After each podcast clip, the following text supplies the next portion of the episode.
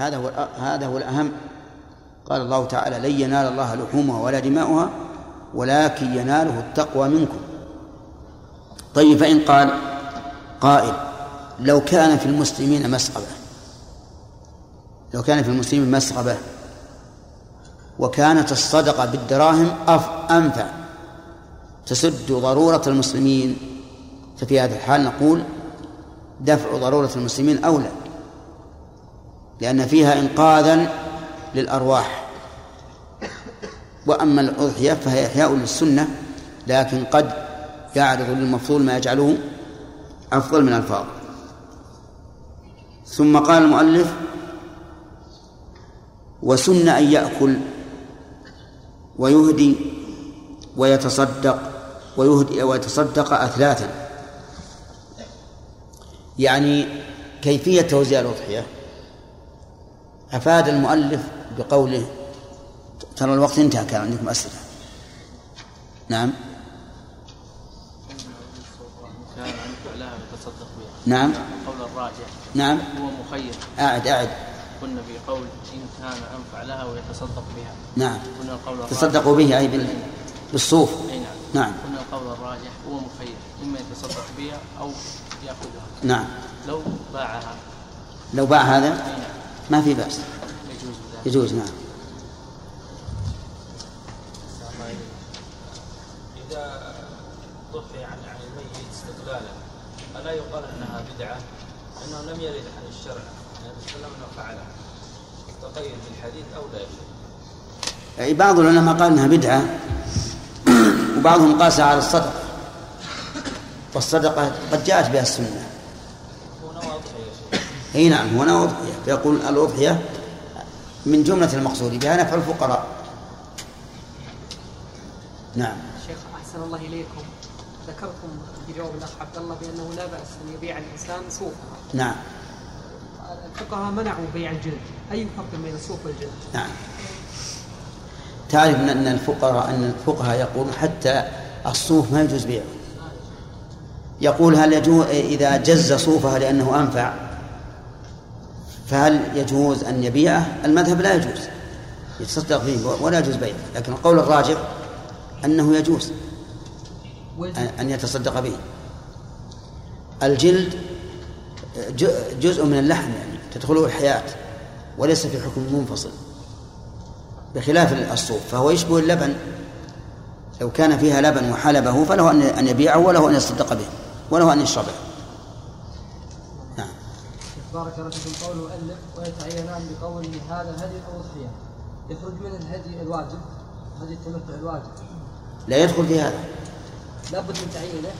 كيف لو لا هو لا قلنا كل أضحية أو هدي إذا ذبحها بالنية تعينت. بمجرد الشراء قلنا قبل. لا بمجرد الشراء ما, ما يكون. لا بد أن يعين. قلنا فيها قبل التعيين يا شيخ في هذا. وإن تعيبت وإن ذبحها وجد إلا أن تكون واجبة في ذمته قبل التعيين. نعم. مثلنا بالهدي. نعم. إي نعم صحيح. هذه واجبة في ذمته يعني معناها أنه في ذمته يجب أن ي- أن يذبح شاة. بمجرد الشراء. ما هي بش... لا لا. ما هي بالشراء ما هي بالشاة المعينة؟ أن يذبح شاة غير معينة. نعم.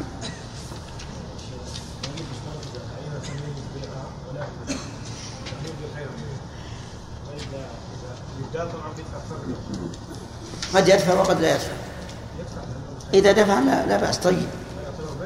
لا لا ما باع. ودفع دفع للذي أعطاه خيرا منه. اي لكن ما دخل عليه الآن. ما هو بيع. هذا شراء اشترى الزائد. نعم. القول الراجح انه يجوز لصاحب الاضحيه ان يبيع ان يبيع صوفه نعم فهل يقضي الجزاء فهل الجزار ها؟ منين أي إي إذا قلنا بجواز بيعه ملكه يعطي الجازر ويشتري به خبز يسوي اللي يقول نعم.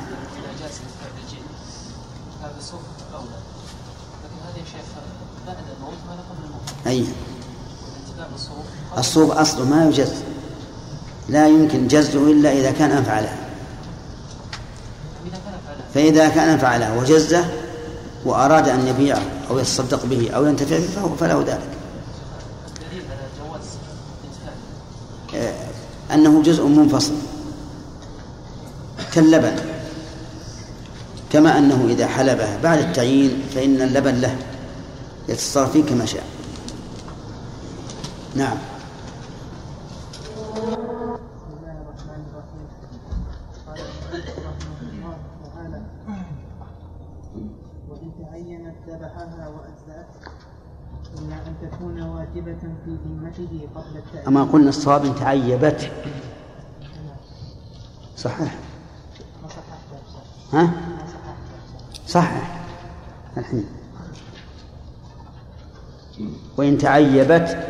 وإن تعيبت ذبحها وأجزأت إلا أن تكون واجبة في ذمته قبل التعيين والأضحية سنة.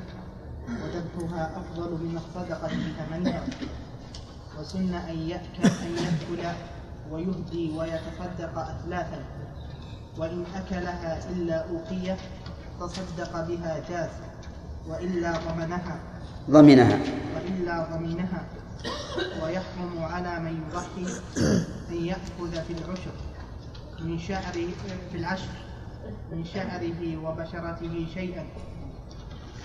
بسم الله الرحمن الرحيم. الحمد لله رب العالمين وصلى الله وسلم على نبينا محمد وعلى آله وأصحابه ومن تبعهم بإحسان إلى يوم الدين. آه، قل لنا بماذا يتعين الهدي؟ اولا بالقول. نعم. بان يكون بان يقول هذا هدي. آه، ثانيا يتعين بالفعل المختص به كالاشعار والتقليد إذا يتعين بالقول وبالفعل. الدال عليه. الدال على التعيين. والأضحية الأخ. بماذا تتعين؟ في فرجة هنا. تقدم يا فوزي.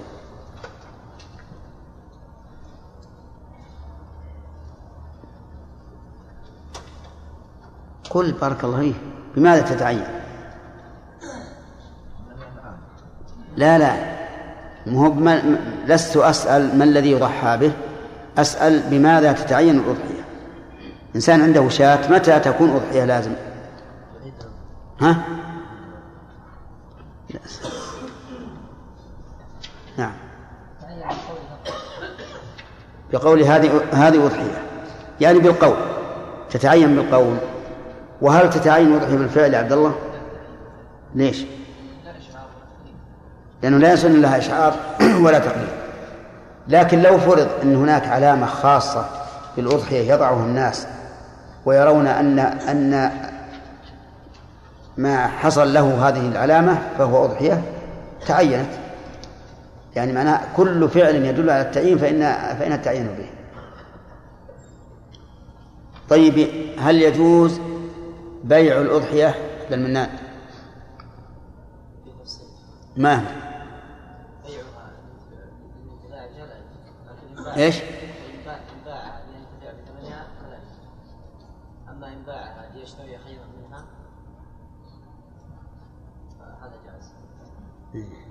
شراف لا يجوز بكل حال يا شيخ. لا يجوز بكل حال. على القول الصحيح. نعم. طيب. هل يجوز إبدالها؟ نعم. يجوز إبدالها بخير منها. ما هو الدليل على منع البيع؟ الدليل اثر ونظر نعم. فأما ال- الأثر النظر نعم. بأنه زاد نقول زاد أنه زاد خيرا وانه وأما الأثر فالرد هذا الدليل على إبدالها بخير منها. ما الدليل على تحريم بيعها؟ الدليل على تحريم بيعها نعم. بأنها تعينت لله عز وجل. أخرجها الله فلا يجوز له الرجوع فيها. كمن طيب. هاجر لله من مكان. بلاد الكفر فلا يجوز له أن يرجع إلى هذا البلد. ولا فيه دليل؟ نعم يوجد ما هو الدليل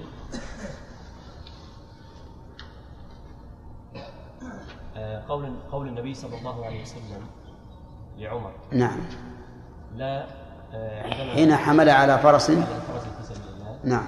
فقال له لا تشتره وإن أعطاكه بدرهم ولا تعد في صدقتك في صدقتك فإن العائد في صدقته كال- كالعين والبيع نوع؟ من العين. نوع من الرجوع في الصدقة. طيب. إبدالها بخير منها ما هو الدليل على جوازه؟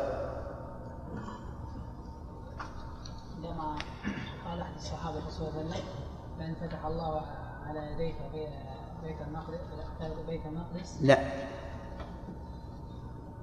فتح الله عليك. عليك. اي بيت المقدس؟ الرسول ما فتح له بيت المقدس. بلاد الشام. ولا بلاد الشام. آدم نعم. صلينا في بيت المقدس قال إني نذرت أن أصلي في بيت المقدس إن فتح الله عليك مكة. فماذا قال له؟ صلي ها هنا. كمل الحديث فأعاد فقال فأعاد ثلاثا فقال شاء طيب.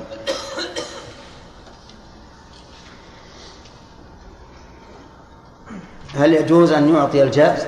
الجاز لو أجرته منها؟ لا. كيف؟ ما هو الدليل؟ أو التعليل؟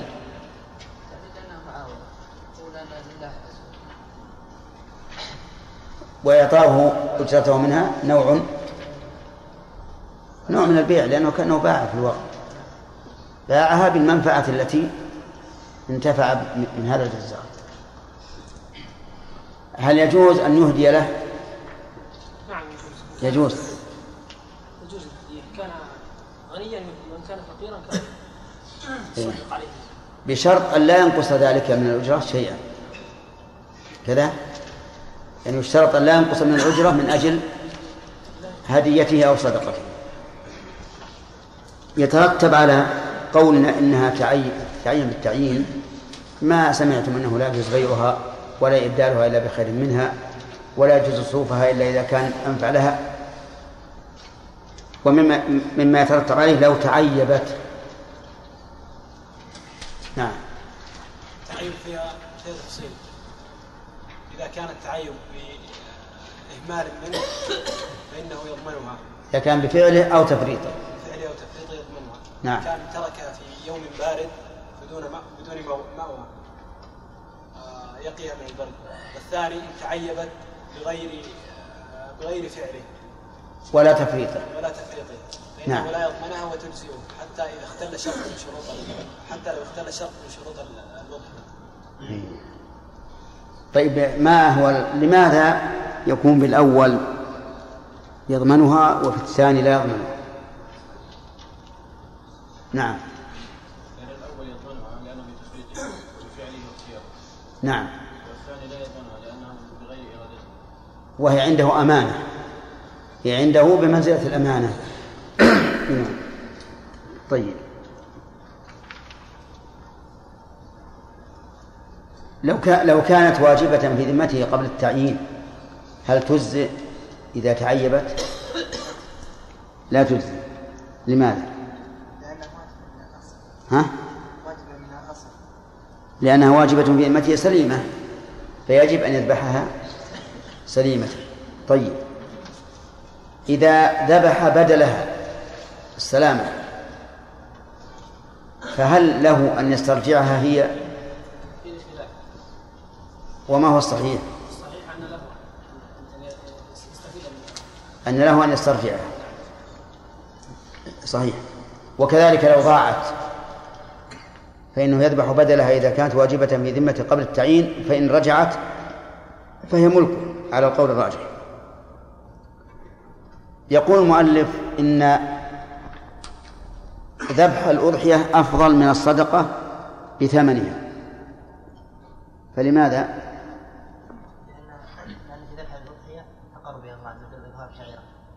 بالذبح.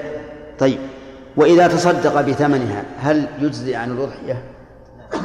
لا يجزي. طيب أحسن. لأن لن ينال الله لحومها ولا دماءه ولكن يناله التقوى منكم. نبدأ بدرس الليلة الآن إن شاء الله. قال وسن أن يأكل ويهدي ويتصدق أثلاثا. سنة أي شرع. لا على وجه الوجوب بل على وجه الاستحباب. أن يقسمها أي الأضحية أثلاثا. فيأكل الثلث ويهدي الثلث ويتصدق بالثلث. والفرق بين الهدية والصدقة أن ما قصد به التودد التودد أن ما قصد به التودد والإلفة فهو هدية. لما جاء في الحديث تهادوا تحابوا وما قصد به القربة إلى الله فهو صدقة. وعلى هذا فتكون الصدقة للمحتاج والهدية للغني. وقول أثلاثا أي ثلث للأكل وثلث للهدية وثلث للصدقة. لأجل أن يكون انتفاع الناس على اختلاف طبقاتهم في هذه الأضحية. يعني يكون الانتفاع بهذه الأضحية شاملة لجميع الطبقات. وقدم الأكل لأن الله قدمه فقال كلوا منها وأطعموا البائس الفقير. وقول المؤلف يسن أن يأكل ظاهره أنه لو تصدق بها كلها فلا شيء عليه ولا إثم عليه. وهذا بناء على أن الأكل من الأضحية السنة كما هو قول جمهور العلماء. وقال بعض أهل العلم بل الأكل منها واجب يأثم بتركه لأن الله أمر به وقدمه على على الصدقة.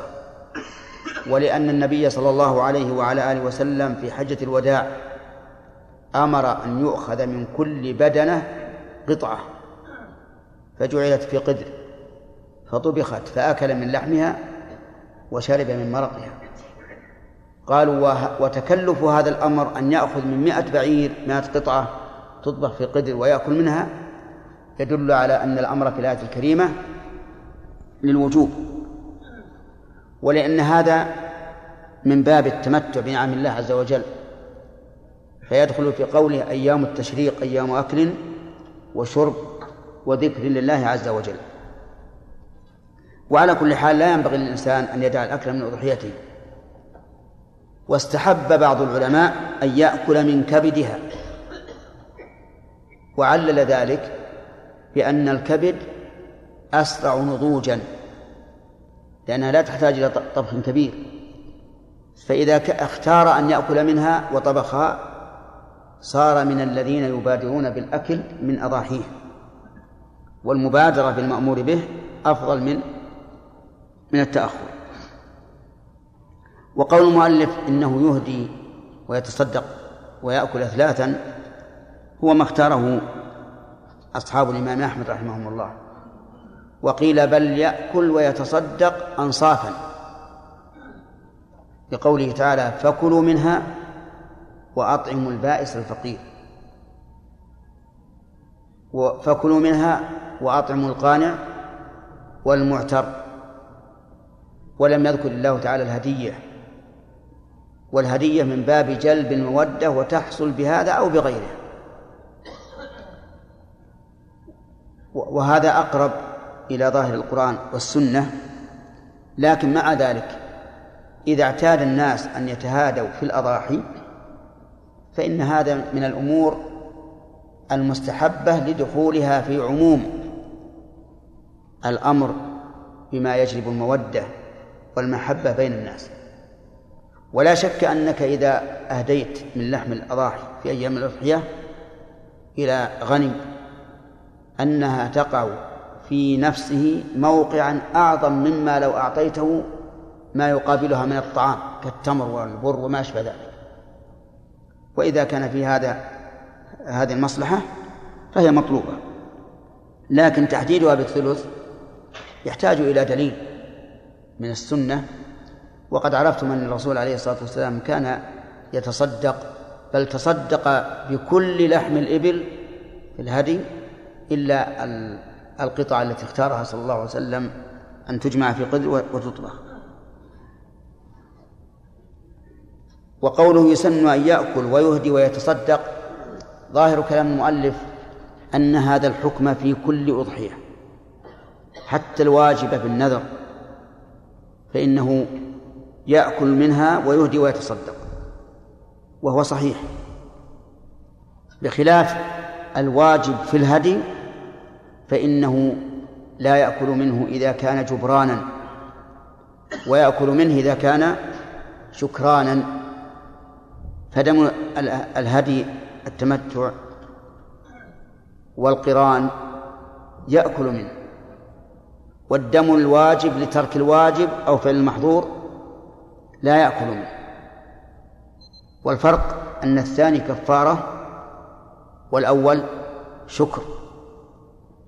فلذلك أكل النبي عليه الصلاة والسلام من هديه وهو واجب بالقران. إذن الأضحية يأكل منها سواء كانت واجبة بالنذر أو غير واجبة. وأما الهدي ففيه التفصيل. ما وجب لفعل محظور أو ترك واجب فإنه إيش؟ لا يأكل منه لأنه يقع موقع الكفارة.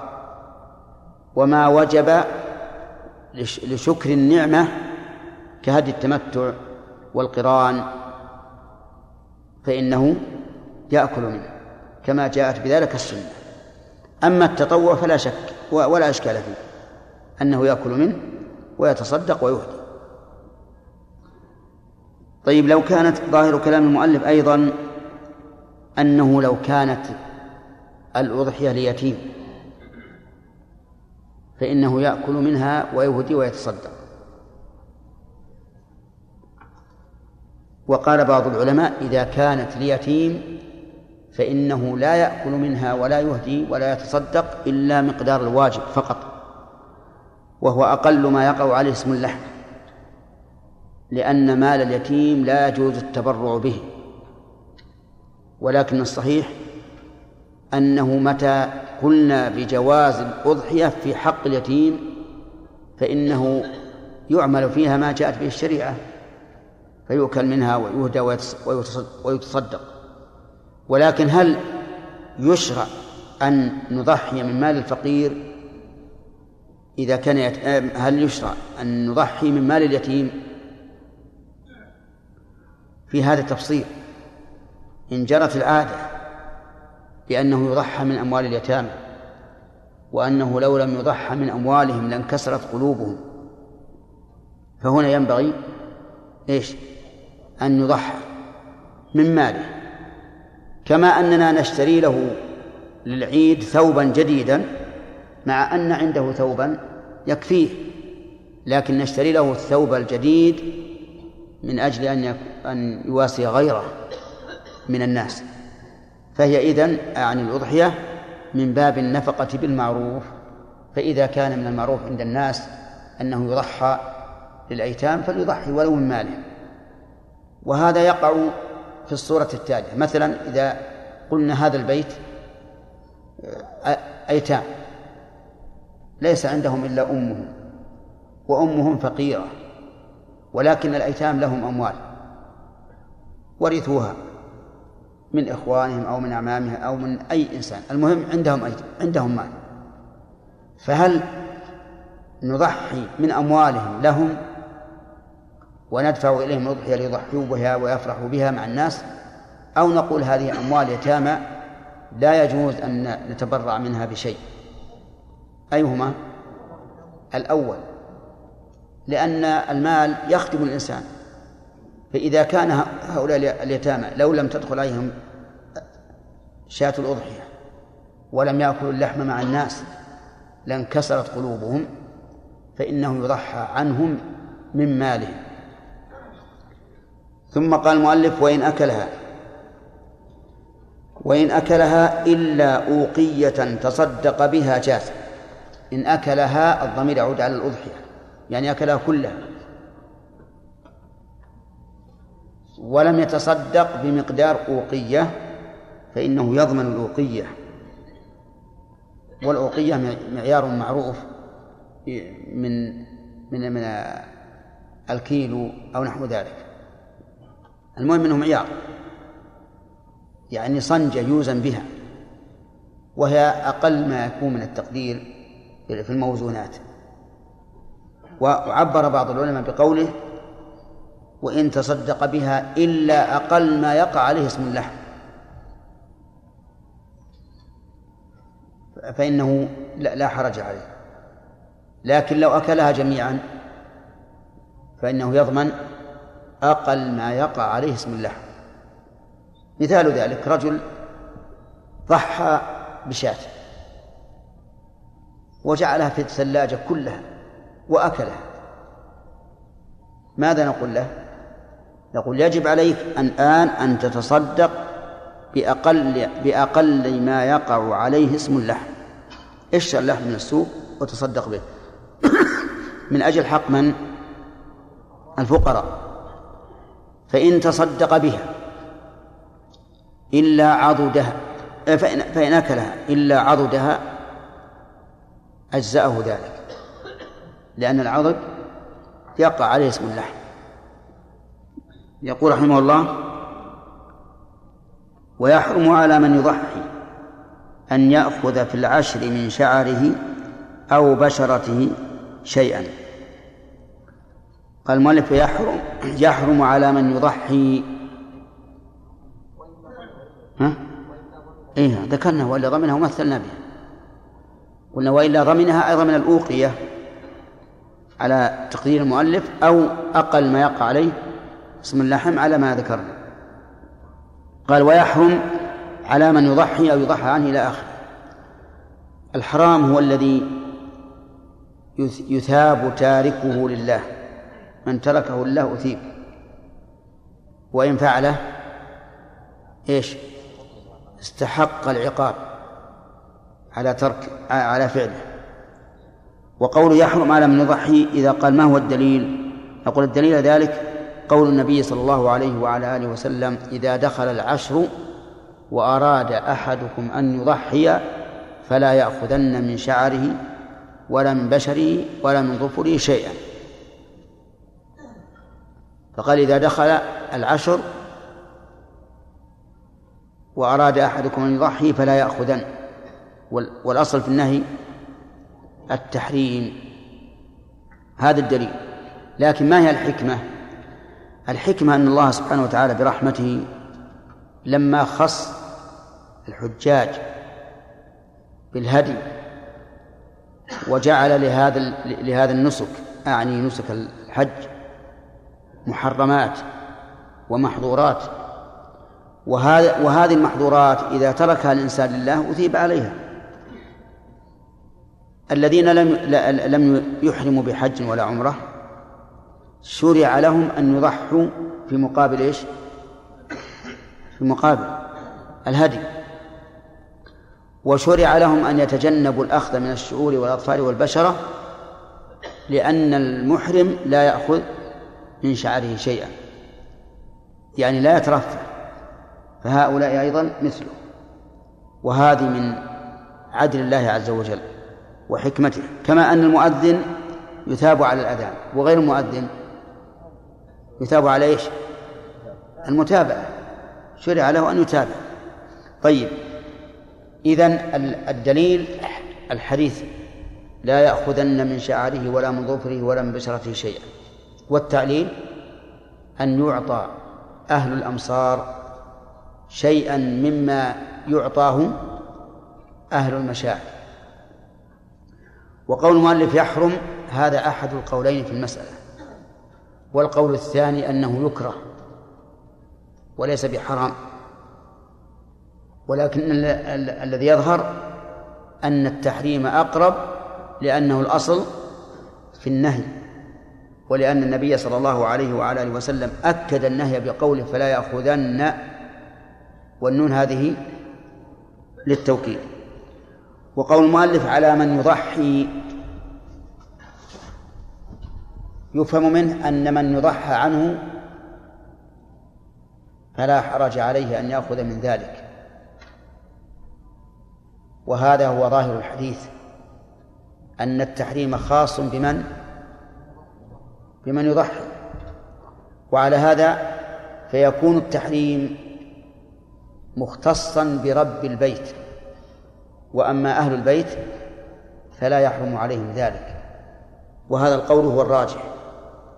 ودليله أن النبي صلى الله عليه وعلى آله وسلم علق الحكم بمن؟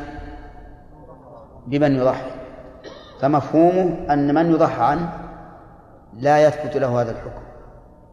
ودليل آخر أن النبي صلى الله عليه وعلى آله وسلم كان يضحي عن أهل بيته. ولم ينقل أنه كان يقول لهم لا تأخذوا من شعوركم وأظافركم وأبشاركم شيئا. ولو كان حراما عليهم ذلك لنهاهم النبي صلى الله عليه وعلى وعلى آله وسلم عنه. فإن قال ما فإن قال قائل ما وجه قول من يقول إنه يحرم على من يضحي أن يضحى عنه؟ قلنا وجهه أنهم قاسوا المضحى عنه على المضحي لاشتراكهم في الأجر. عرفتم؟ قالوا كما أن المضحي يؤجر فالمضحى عنه يؤجر أيضا. فلما اشترك بالأجر اشتركا في الحكم. فيقال هذا القياس لا يصح. لأنه في مقابلة النص.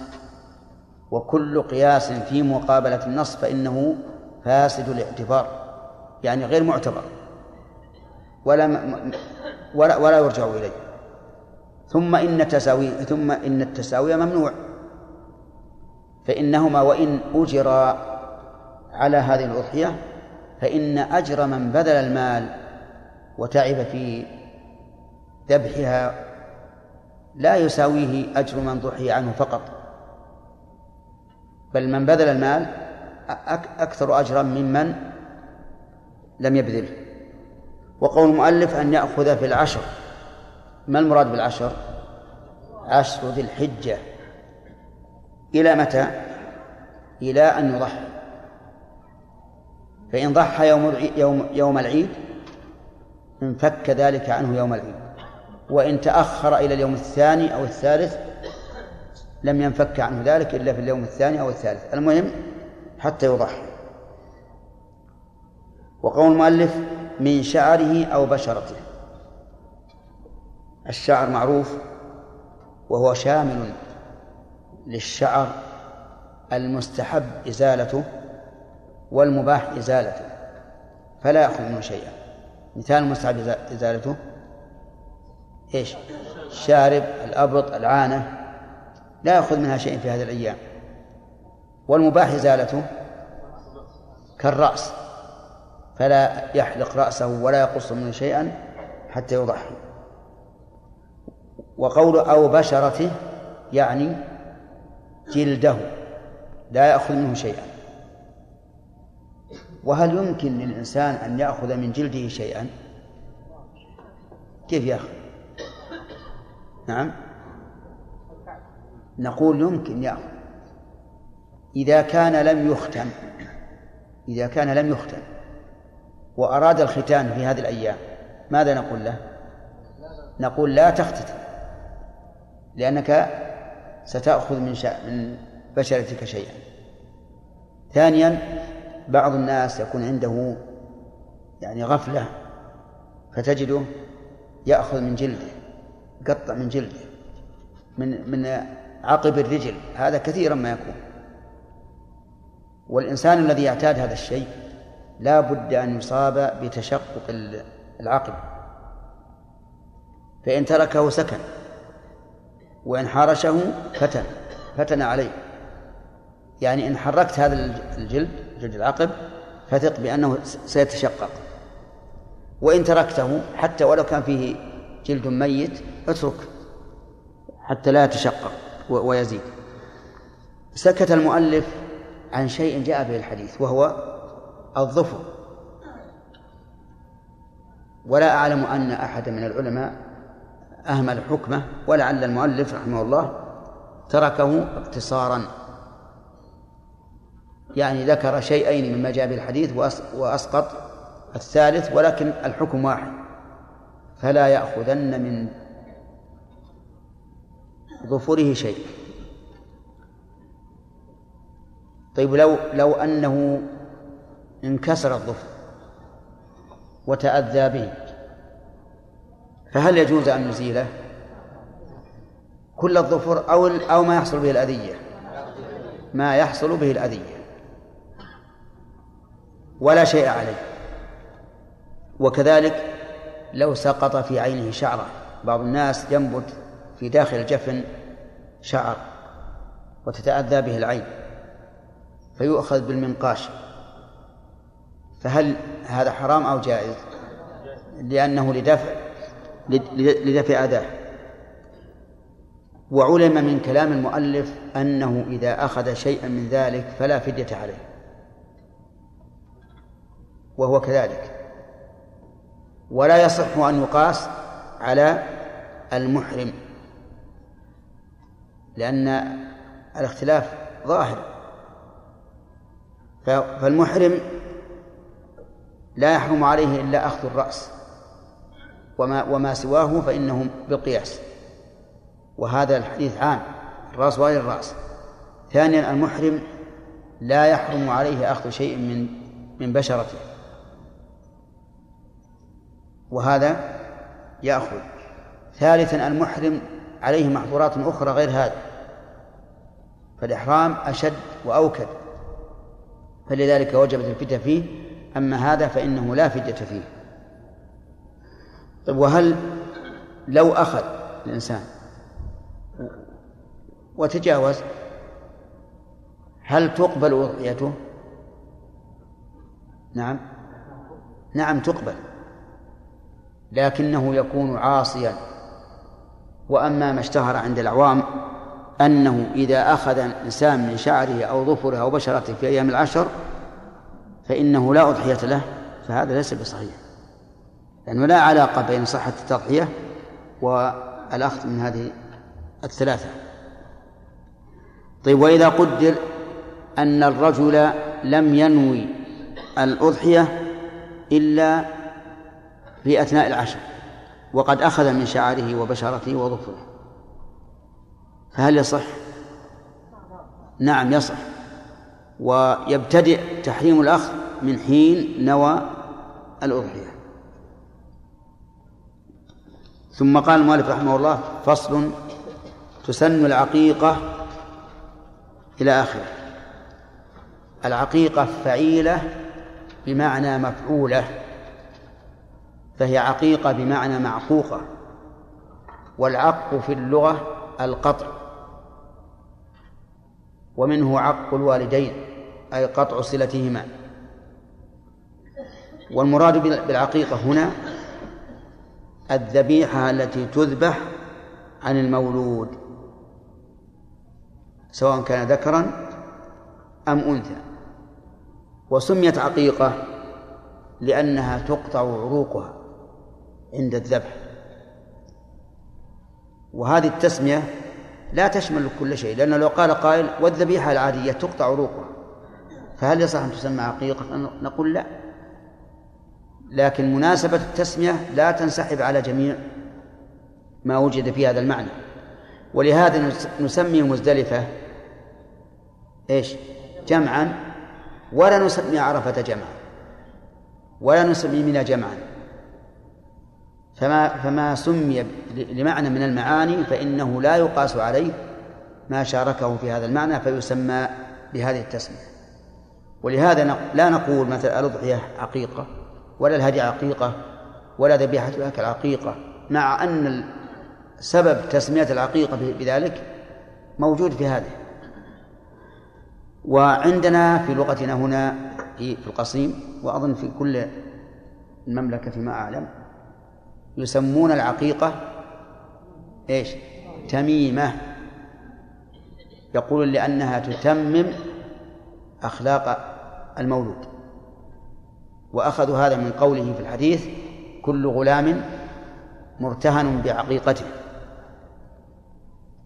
فإن المعنى أنه محبوس مو عن شفاعة والديه كما ذكره الإمام أحمد رحمه الله ولكن محبوس عن الانطلاق والانشراح. وكذلك عن الحماية من الشيطان طيب إذن العقيقة ما, ما تعرفها شرعا الذبيحة عن عن المولود ذكر أو أنثى وقوله تسن تسن لمن؟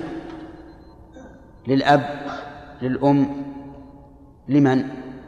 هي سنة في حق الأب سنة في حق الأب فإن لم يكن الأب موجودا فهل تسن في بقية العصبة؟ أو في حق الأم؟ الظاهر أنها إذا لم يكن الأب موجودا كما لو مات وهو حمل ويعني مات وابنه حمل فإن الأم تقوم مقام الأب في هذا في هذه المسألة. وقول المؤلف تسن العقيقة هل يشترط في ذلك القدرة أو حتى للفقير؟ نقول إذا كانت الواجبات الشرعية وهي واجبات يشترط فيها القدرة فالمستحبات إيش؟ من باب أولى. فالفقير لا نلزمه نقول اذهب واقترض. لكن إذا كان الإنسان لا يجد الآن إلا أنه في أمل الوجود كموظف ولد له ولد في نصف الشهر. وراتبه على قدر حاجته. فهو الآن ليس عنده دراهم لكن في آخر الشهر يجد الدراهم. هل نقول اشتري العقيقة أو اقترض ثمنها واشتري به؟ يعني اشتريها دينا أو اقترض ثمنها واشتري به حتى يأتيك الراتب أو نقول انتظر حتى يأتي الراتب. نعم. الثاني أحسن. لأنه يحصل به إبراء الذمة.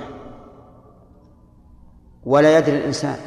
ربما فيما بين ولادة الشخص وبين حلول الراتب ربما يحصل أشياء تستلزم الأموال. يجي مرض يجي أهله مرض ينكسر على السيارة وما أشبه ذلك. فالأولى أن يقال لا تقتل حتى وإن رجوت الوفاء عن قرب انتظر. العقيقة ما هو لازم في, في اليوم السابع أو أو الحادي أو الرابع عشر أو, أو الحادي والعشرين مو لازم. نعم. ثم قال عن الغلام شاتان. وعن الجارية شات الغلام الذكر شاتان وعن الجارية شات هكذا جاءت السنة عن النبي صلى الله عليه وسلم بالتفريق بين الذكر والأنثى. وهذا أحد المواضع التي يفضل فيها الذكر على الأنثى بالضعف. وقوله عن الغلام شاتان ينبغي أن يكون أن تكون الشاتان متقاربتين سنا وحجما وشبها وسمنا. كلما كانتا متقاربتين فهو أفضل. فإن لم يجد الإنسان إلا شاة واحدة أجزأت وحصل بها المقصود. لكن إذا كان الله قد أغناه فثنتان أفضل. وعن الجارية شاة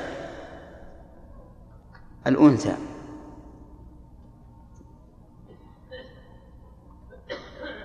وهذا أحد المواضع التي يكون الرجل فيها ضيف المرأة في موضع آخر. إيش؟ فرائض. الدية. الشهادة. الصلاة.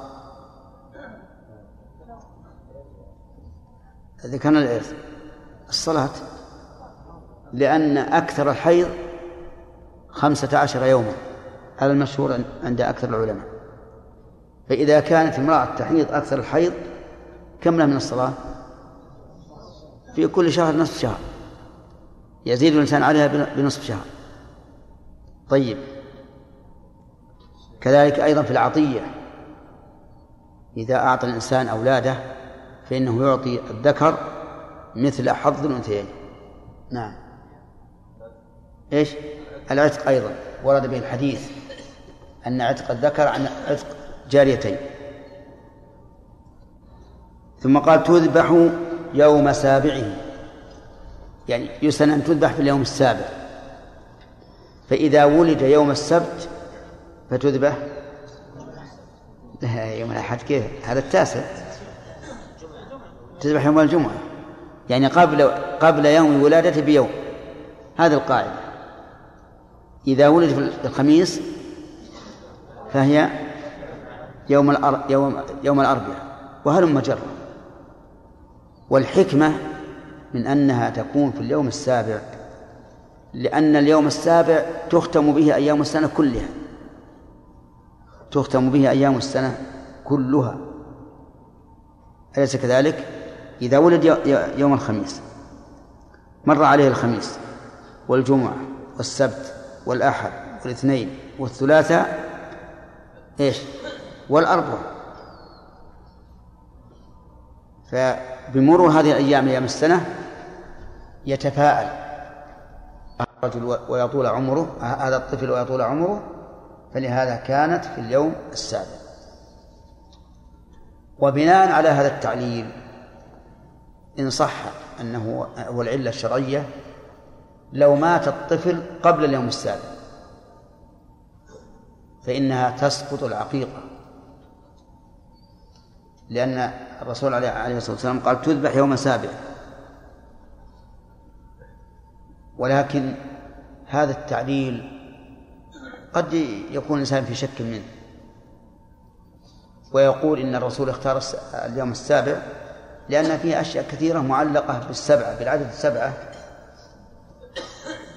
ولا ندري هذه الحكمة أولى ولهذا تسن العقيقة ولو مات قبل اليوم السابع. ولكن هل يشترط أن يخرج حيا أو يشترط أن أن تنفخ فيه الروح فقط؟ من العلماء من قال بالأول وقال لو نفخت فيه الروح ثم خرج من بطن أمه ميتا فإنه لا عقيقة له.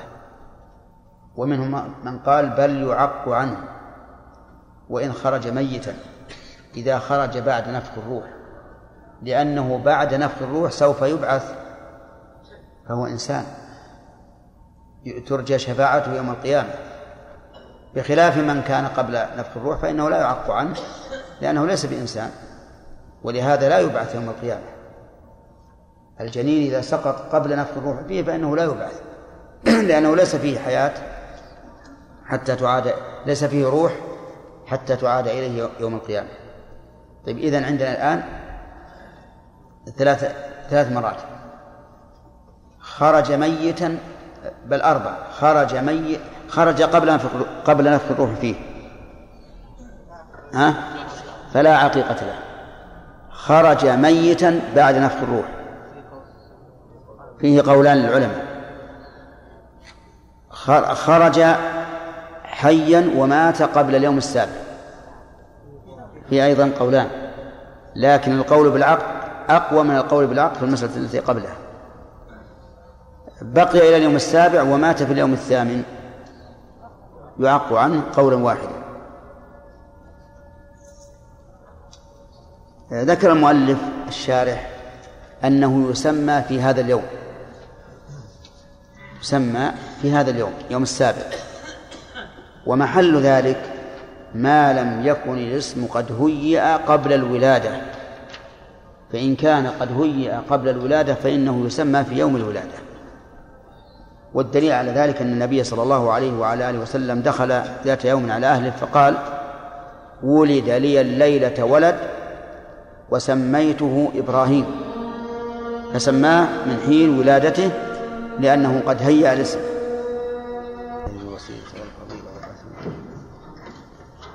نعم. قال صلى الله عليه وسلم اذا دخل العشر يضحي فلا يأخذ والامر قلنا اذا كان من باب الاداب أو الاستحباب نعم. الا بقريب نعم.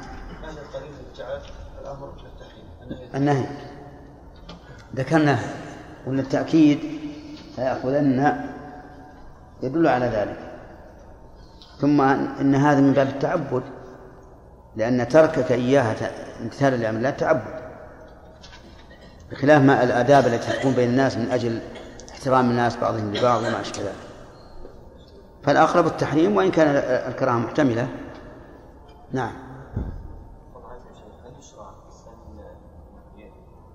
الإنسان عقيقة عن نفسه بما إيه.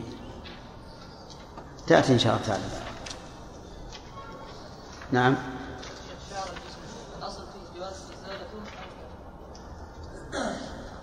الشعور ثلاثة أقسام. ما يحرم إزالته وما يشرع إزالته وما سكت عنه. فالذي يشرع إزالته الشارب والأبط والعان. والذي تحرم إزالته اللحية. نعم. إيش؟ لا ما تحرم اللي يحرم النمص الذي هو النتف. وما وما سكت عنه فهو ما سوى ذلك. فقال بعض العلماء إنه لا تجوز إزالته. لأنه من تغيير خلق الله. والأصل في تغيير خلق الله إيش؟ التحريم. لأنه من أوامر الشيطان. ولا آمرنهم فلا يغيرن خلق الله. وقال بعض العلماء إن هذا مما سكت عنه وإنه لا يدخل في الآية. والدليل على أنه لا يدخل في الآية أن الشارع قسم أخذ الشعر إلى إلى أقسام. أمر بأخذ الشارب والعانة والأبط مع أنه من تغيير خلق الله وأباح حلق الرأس. النص احلقوا كله أو اتركوا كله ونهى عن حلق اللحية. فدل ذلك على أن أخذ الشعر لا يعد من تغيير خلق الله وعلى هذا فيقال الأولى أن لا يزال وأن يبقى على ما هو عليه إلا أن يكون في ذلك تشويه فإنه يوجد مثل بعض النساء يكثر معها الشعر في الذراعين أو في الساقين ولا ترغب ذلك فهذا نقول لا بأس ما فيها شيء نعم.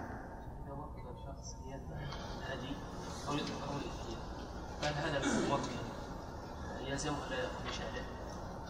الوكيل يعني. لا مازن إذا وكل شخصا يذبح له الأضحية أو يشتريها ويذبحها أيضا فلا فلا يتعلق بالحكم لأنه وكيل محض شراف بارك الله فيكم بالنسبة خلف خلف المؤذن إيش؟ خلف المؤذن متابعة المؤذن متابعة المؤذن هل لابد أن يسمع الإنسان جميع الاذان أم يكفي يسمع البعض؟ الظاهر إنه إذا سمع البعض آه، آه، قال ما سبق؟ ثم تابع. شيخ الحديث يقول إذا سمع نعم. هذا سمع المؤذن سمع آخر الاذان. نعم. غير غير؟ الذي يعني يقول هل يجوز أن أعق ببعير؟ نقول نعم يجوز لكن الشاة أفضل. لكنها البعير لا تجزي إلا عن واحد ما تجزي عن سبع عقائق. نعم. انتهى الوقت. انخلق السلمي يسأل يقول رجل قتل آخر وكان زوجته المقتول من أقرباء القاتل. فطلب أولياء المقتول القصاص وطلبت هي الدية فهل ينفذ فيه القصاص أم أم الدية؟ إحنا ما ذكرنا هذه؟ نعم ذكرناها ذكرناها وقلنا لكم إن إن الله يقول فمن عفي له من أخيه شيء وشيء نكر في سياق الشرط وقلنا لكم لو أنه لا يستحق من الميراث إلا واحد من ألف وعفى سقط القصاص. نعم. ولو اتهمت ولو اتهمت. ما عليه. حتى لو صرحت قالت, قالت عفوت ليسقط عنه القصاص. ما في بأس.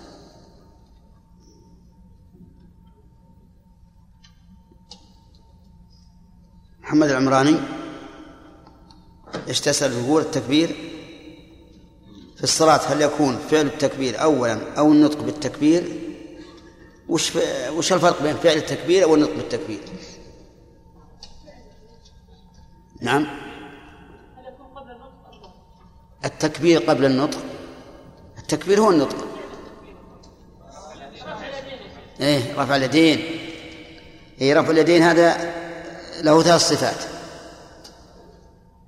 تكبر ثم ترفع. أو ترفع ثم تكبر أو يكون الرفع مع التكبير. كلها جاءت بها السنة.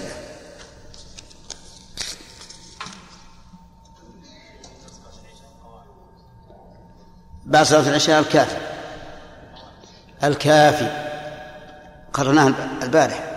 قدم. ما في مانع. يعني المسألة قابلة للنظر. نعم. المؤذن والإمام على هذه هو عذر؟ في تفصيل. ما هو التفصيل؟ كان من عادتهما أن يخرج للأذان والإمامة في كل يوم فليخرج في يوم الفية نعم. وإن لم يكن من عادتهما فليقعد في يوم الفية طيب هذا تفصيل جيد. نعم. لا في دليل.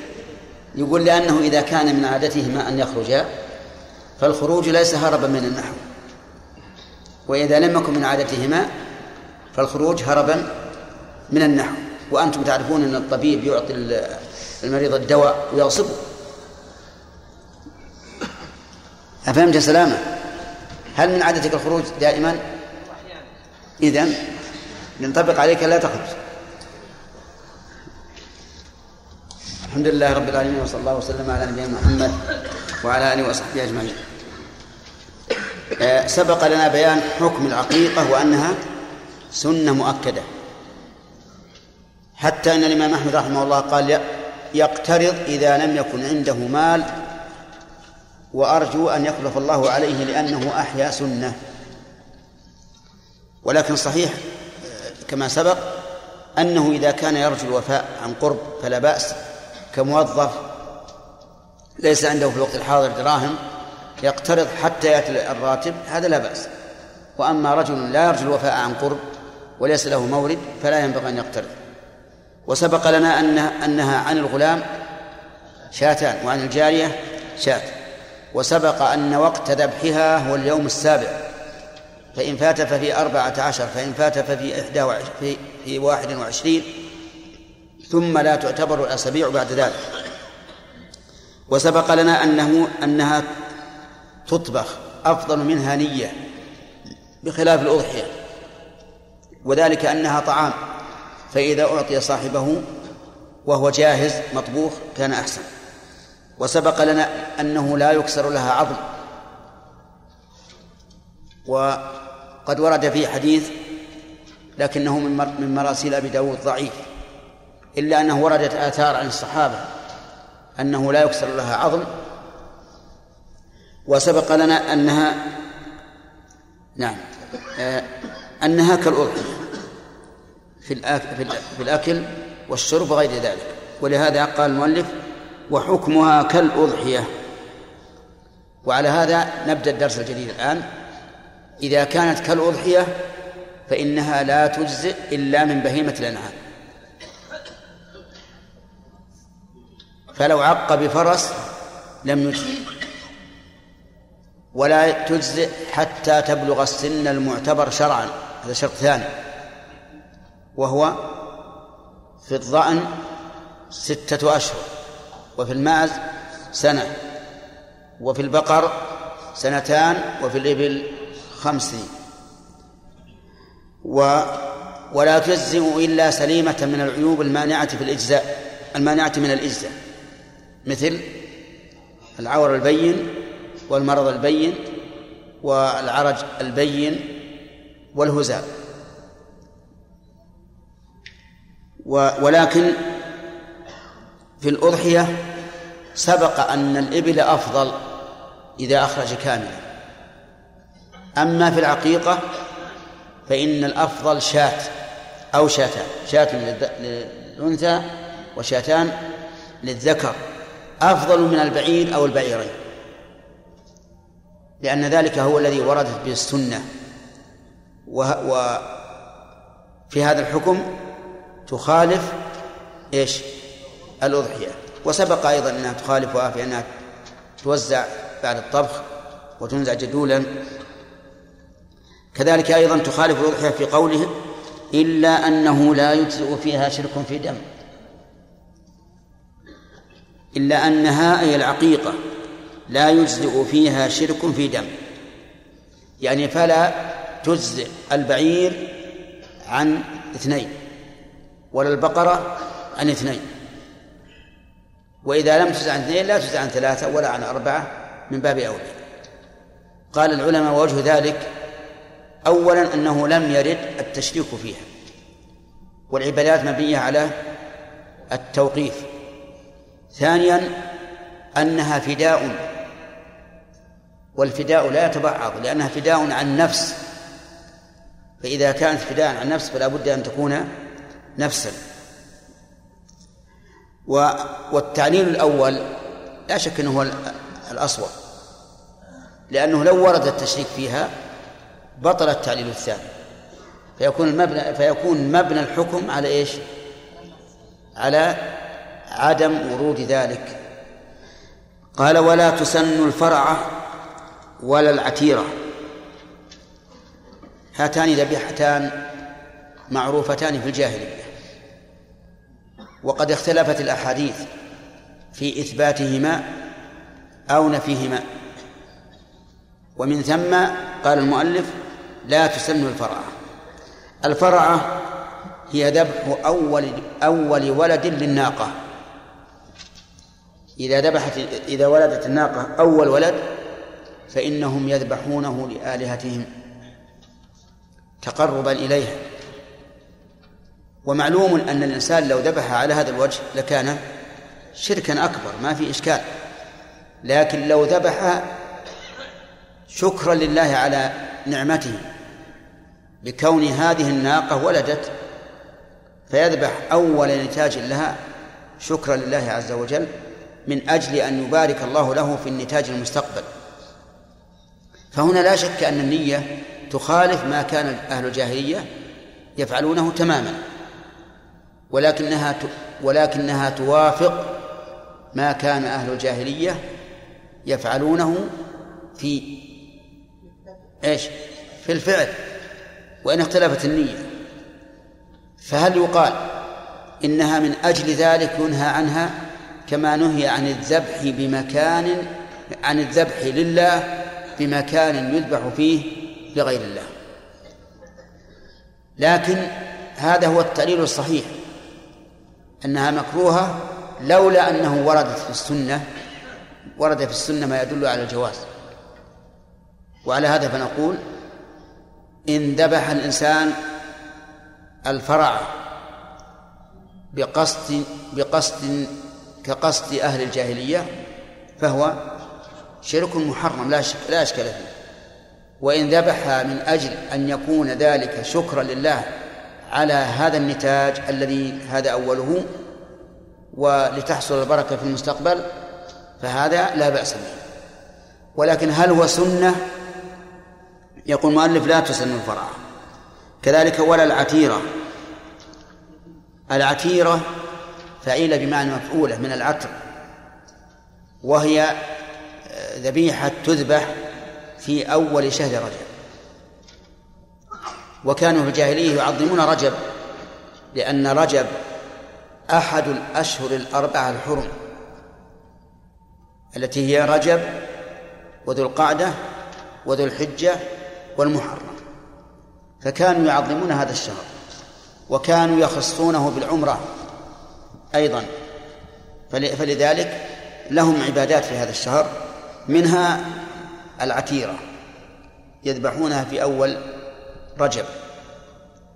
والمؤلف يقول لا تسن. واستدل بالحديث المتفق عليه وهو قول الرسول عليه الصلاة والسلام لا فرع ولا عتيرة. لا فرع ولا عتيرة. وفي رواية للنسائي لا فرع ولا عتيرة في الإسلام. وتخصيص ذلك في الإسلام يوحي بأنها من خصال الجاهلية. ولهذا كره بعض العلماء كره العتيرة بخلاف الفرعة لأنه ورد بها السنة. أما العتيرة فكرهها وهي جديرة بأن تكون مكروهة لا يعني الذبيحة في أول رجب لا سيما وأنه إذا ذبح في أول رجب وقيل للناس إن هذا لا بأس به فإن النفوس ميالة إلى مثل هذه الأفعال فربما يكون شهر رجب كشهر إيش؟ الأضحية كشهر ذي الحجة ويتكاثر الناس على ذلك ويبقى مظهرا ومشعرا من مشاعر المناسك وهذا لا شك أنه محذور فالذي يترجح عندي أن الفرعة لا بأس بها لورود السنة بها وأما العتيرة فإنها أقل أحوالها الكراهة لأن الرسول عليه الصلاة والسلام نفى نفى ذلك وقال لا فرع ولا ولا عتيرة. وبهذا انتهى باب الأضاحي وباب الهدي وبه يتبين لنا أن الدماء المشروعة. ثلاثة أقسام. هدي وأضحية وعقيقة هذه هي الدماء المشروعة. وأما وليمة العرس كقول النبي عليه الصلاة والسلام أولم ولا بشاة فإنها لا تختص ببهيمة النعم تكون وليمة بهذا وتكون وليمة بغير ذلك. يقول آه، جملة معترضة. سفاري ونحن نرجو أيضا أن يخرج حتى يسر على أخيه من يسر على أخيه يسر الله عليه. طيب الهدي الذبائح المسنونة هي الهدي والأضاحي والعقيقة وأما الوليمة التي قال فيها الرسول صلى الله عليه وعلى آله وسلم لعبد الرحمن بن عوف أولم ولو بشاة فهذا ليس خاصا ببهيمة العام تكون وليمة بهذا وتكون بالطعام وتكون بالتمر وبالحيس الذي يخلط تمر وأقط وسمن فهي لا تختص بهذا. لكن إذا أولم بشاة فلا بأس. طيب ما يفعله بعض الناس إذا نزل بيتا جديدا ذبح ودعا الجيران والأقارب. هذا لا بأس به. ما لم يكن مصحوبا بعقيدة فاسدة كما يفعل في بعض الأماكن. إذا نزل أول ما ينزل البيت يأتي بشاة ويذبحها على العتبة عتبة الباب حتى يصل الدم على العتبة ويقول إن هذا يمنع الجن دخول البيت. هذه عقيدة فاسدة ليس لها أصل. لكن من ذبح من أجل الفرح والسرور فهذا لا بأس به. آه، أيضا ما يفعله بعض الناس الآن إذا كان في رمضان ذبحوا ذبائح وقالوا هذا عشاء الأب عشاء الجد عشاء الأم عشاء الخالة عشاء الوالدين جميعا. هذا أيضا ليس بمشروع. إلا إذا ذبح الإنسان هذا من أجل اللحم لا من أجل أن يتقرب إلى الله بالذبح. فإن كان هذا الثاني فإنه لا بأس به. قد يقول أنا لا أريد أن أذهب إلى إلى المجزرة أريد أن أذبح الشاة عندي وآكل لحمها فقط. لا تقربا إلى الله بالذبح ولا افتخارا فيقال ذبح عن أبيه شاة أو ما أشبه ذلك فهذا لا بأس به. الهدي منه واجب ومنه تطوع. الواجب هدي المتعة والقران والتطوع أن يتقرب الإنسان إلى الله عز وجل بذبح شاة أو بقرة أو بعير في مكة ليتصدق بها على الفقراء بدون بدون سبب. وأما الدم الواجب لفعل محظور أو ترك واجب فهذا يسمى فدية. يسمى فدية. ولا يأكل منه صاحبه شيئا. ثم قال المؤلف رحمه الله تعالى كتاب الجهاد.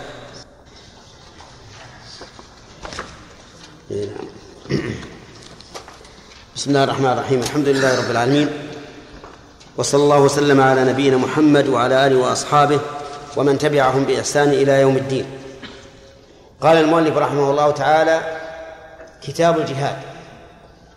الجهاد مصدر جاهد الرباعي وهو بذل الجهد في قتال العدو. هذا الجهاد وينقسم الجهاد إلى ثلاثة أقسام جهاد النفس وجهاد المنافقين وجهاد الكفار المبارزين المعاندين. أما الأول وهو جهاد النفس فهو إرغامها. ومخالفتها في معصية الله أي إرغامها على طاعة الله ومخالفتها في في الدعوة إلى معصية الله. وهذا الجهاد يكون شاقا على الإنسان مشقة شديدة لا سيما إذا كان في بيئة فاسقة. فإن البيئة قد تعصف به حتى ينتهك حرمات الله وحتى يدع ما أوجب الله عليه. وقد روي عن النبي صلى الله عليه وعلى آله وسلم أنه حينما رجع من غزوة تبوك قال رجعنا من الجهاد الأكبر إلى الجهاد من الجهاد الأصغر إلى الجهاد الأكبر يعني جهاد النفس لكن هذا الحديث غير صحيح. أما النوع الثاني فهو جهاد المنافقين. وجهاد المنافقين يكون بالعلم لا بالسلاح. لأن المنافقين لا يقاتلون. فإن النبي صلى الله عليه وعلى آله وسلم استؤذن أن يقتل المنافقون الذين علم نفاقهم. فقال لا لا يتحدث الناس أن محمدا يقتل أصحابه. وهم لهم جهاد. قال الله تعالى يا أيها النبي جاهد الكفار والمنافقين ولكن جهادهم بالعلم. ولهذا يجب علينا أن نتسلح بالعلم أمام المنافقين الذين يريدون الشبهات على دين الله ليصدوا عن سبيل الله.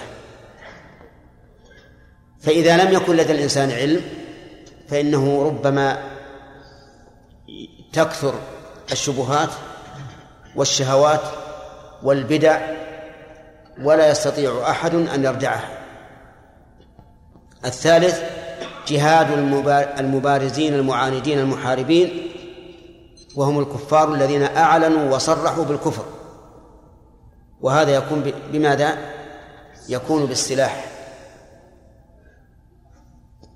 وقوله تعالى وأعدوا لهم ما استطعتم من قوة قد يقال إنه يشمل النوعين جهاد المنافقين بالعلم وجهاد الكفار بالسلاح. ولكن قول الرسول عليه الصلاة والسلام ألا إن القوة الرمي؟ يؤيد أن المراد بذلك السلاح المقاتلة. الجهاد يقول المؤلف فرض كفاية. وفرض الكفاية هو الذي إذا قام به من يكفي سقط عن الباقين وصار في حقهم سنة. وهذا حكمه أما مرتبته في الإسلام فقد سماه النبي صلى الله عليه وعلى آله وسلم ذروة سنام الإسلام. ذروة سنامه والسنام هو الشحم النابت فوق ظهر الجمل وذروته أعلاه وإنما جعله النبي عليه الصلاة والسلام ذروة سنام الإسلام لأنه يعلو به الإسلام ويرتفع به الإسلام كما أن سنام البعير كان فوق مرتفعا. فهو له مرتبة وله حكم. حكمه ومرتبته أنه ذروة سنام الإسلام. وقوله هو فرض كفاية لا بد له لا بد فيه من شرط. وهو الكفاية. أي بأن يكون عند الإنسان أو عند المسلمين قدرة يستطيعون بها القتال. فإن لم يكن لديهم قدرة فإن إقحام أنفسهم بالقتال إلقاء بأنفسهم إلى التهلكة. ولهذا لم يوجب الله سبحانه وتعالى على المسلمين القتال وهم في مكة لأنهم عاجزون ضعفاء. فلما هاجروا إلى المدينة وكونوا الدولة الإسلامية وصار لهم شوكة أمروا بالقتال. وعلى هذا فلا بد من هذا الشرط أن يكون عند المسلمين قوة يستطيعون بها الجهاد وإلا سقط عنهم كسائر الواجبات لأن جميع الواجبات يشترط فيها القدرة لقوله تعالى فاتقوا الله ما استطعتم وقوله لا يكلف الله نفسا إلا وسعها إذا لا بد من القدرة. قال ويجب يعني يجب الجهاد إذا حضره يعني يكون فرض عين إذا حضر الإنسان القتال. لقول الله تعالى يا أيها الذين آمنوا إذا لقيتم الذين كفروا زحفا فلا تولوهم الأدبار. ومن يولهم يومئذ دبره إلا متحرفا لقتال أو متحيزا إلى فئة فقد باء بغضب من الله ومأواه جهنم وبئس المصير. وقد أخبر النبي عليه الصلاة والسلام أن التولي يوم الزحف من الموبقات حيث قال اجتنبوا السبع الموبقات وذكر منها التولي يوم الزحف إلا أن الله تعالى استثنى حالين الأولى أن يكون متحرفا للقتال بمعنى أن يذهب لأجل أن يأتي بقوة أكثر والثاني أن يكون منحازا إلى فئة بحيث يذكر له أن فئة من المسلمين من الجانب الآخر تكاد تنهزم. فيذهب من أجل أن يتحيز إليها تقوية لها. وهذا الأخير بشرط هذا الأخير يشترط فيه أن لا يخاف على الفئة التي هو فيها. فإن خاف على الفئة التي هو فيها فإنه لا يجوز أن يذهب إلى الفئة الأخرى. طيب إذن يكون في هذه الحال إذا حضر إيش؟ واجبا فرض عين لا يجوز عنه الانصراف. الثاني إذا حصر بلده العدو. إذا حصر بلده العدو يجب عليه القتال. دافعا عن البلد. وهذا يشبه من حضر الصف في القتال. لأن العدو إذا حصر البلد فلا بد من الدفاع. إذ أن العدو سيمنع الخروج من هذا البلد وسيمنع الدخول إلى هذا البلد وسيمنع ما يأتي لهم من الأرزاق. وغير وغير ذلك مما هو معروف. ففي هذا الحال يجب أن يقاتل أهل البلد دفاعا عن بلدهم. الثالث قال أو استنفره الإمام.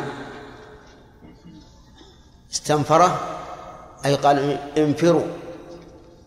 والإمام الإمام هو ولي الأمر الأعلى في الدولة. ولا يشترط أن يكون إماما عاما للمسلمين لأن الإمامة العامة انقرضت منذ أزمان متطاولة والنبي عليه الصلاة والسلام قال اسمعوا وأطيعوا وإن تأمر عليكم عبد حبشي. فإذا تأمر إنسان على جهة ما صار بمنزلة الإمام العام. وصار أمره نافذا وصار قوله نافذا وأمره مطاعا. وأنتم تعلمون أنه من عهد أمير المؤمنين عثمان بن عفان رضي الله عنه والأمة الإسلامية بدأت تتفرق.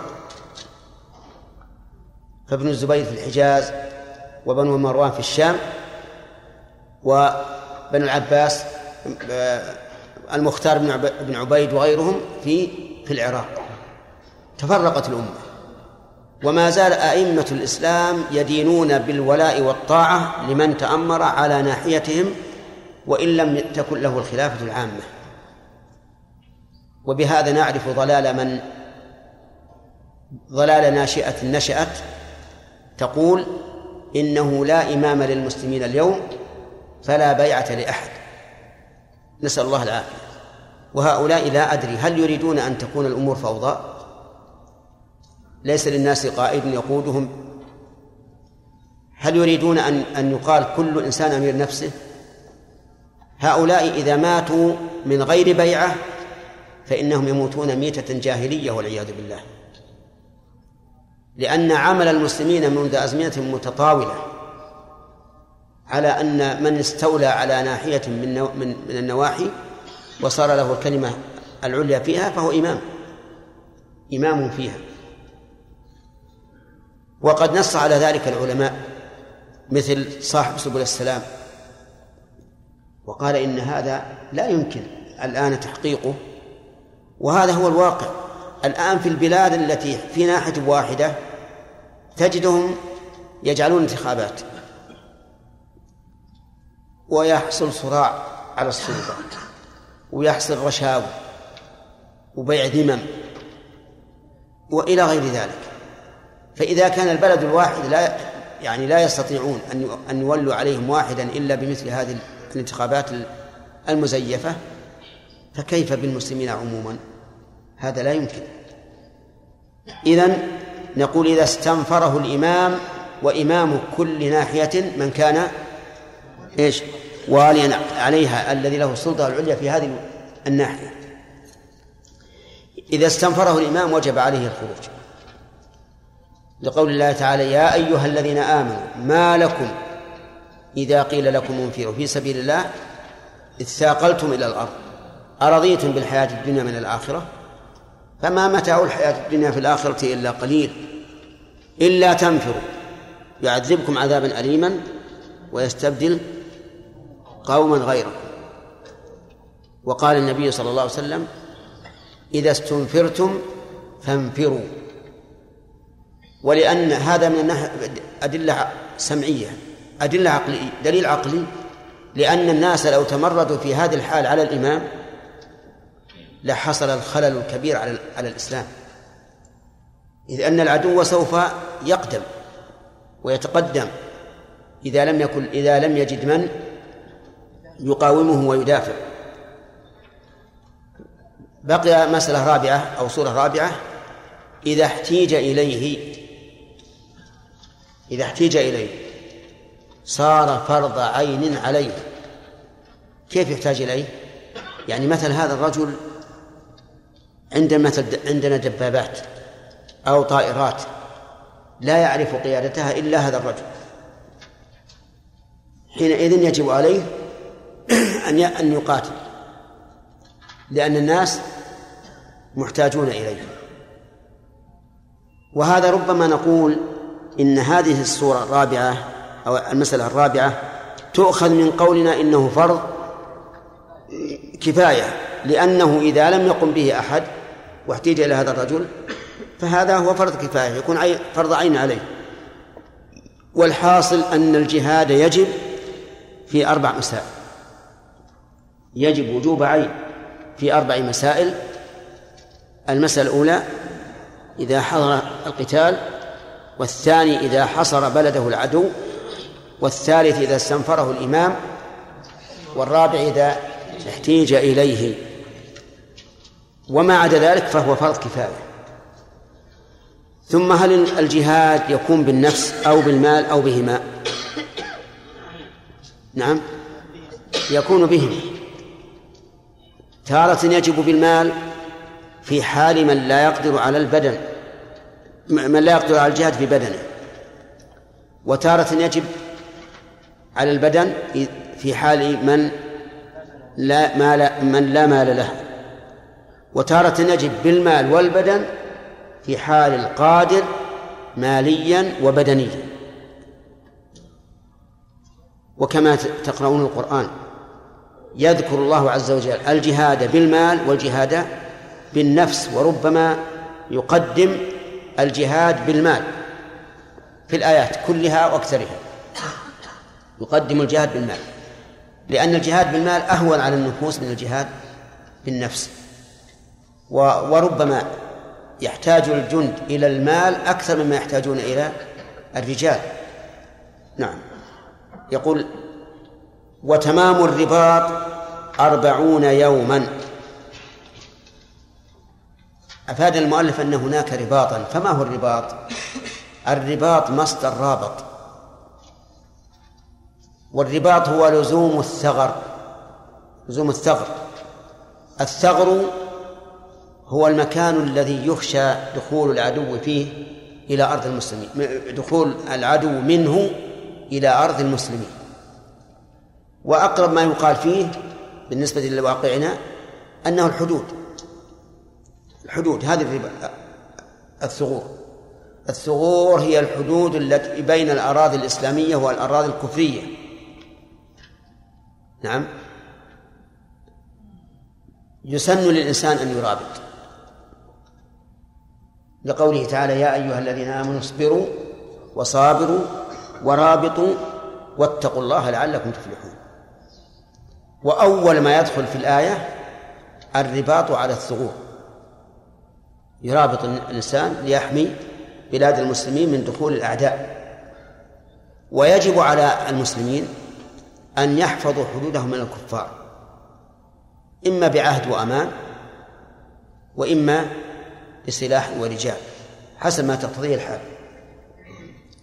الرباط أقله ساعة يعني لو ذهب الإنسان بالتناوب مع زملائه ساعة واحدة حصل له أجر. وأكثره وتمامه أربعون يوما.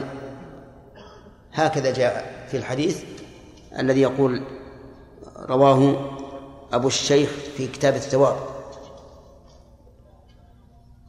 طيب ولكن لو زاد على الأربعين هل له أجر؟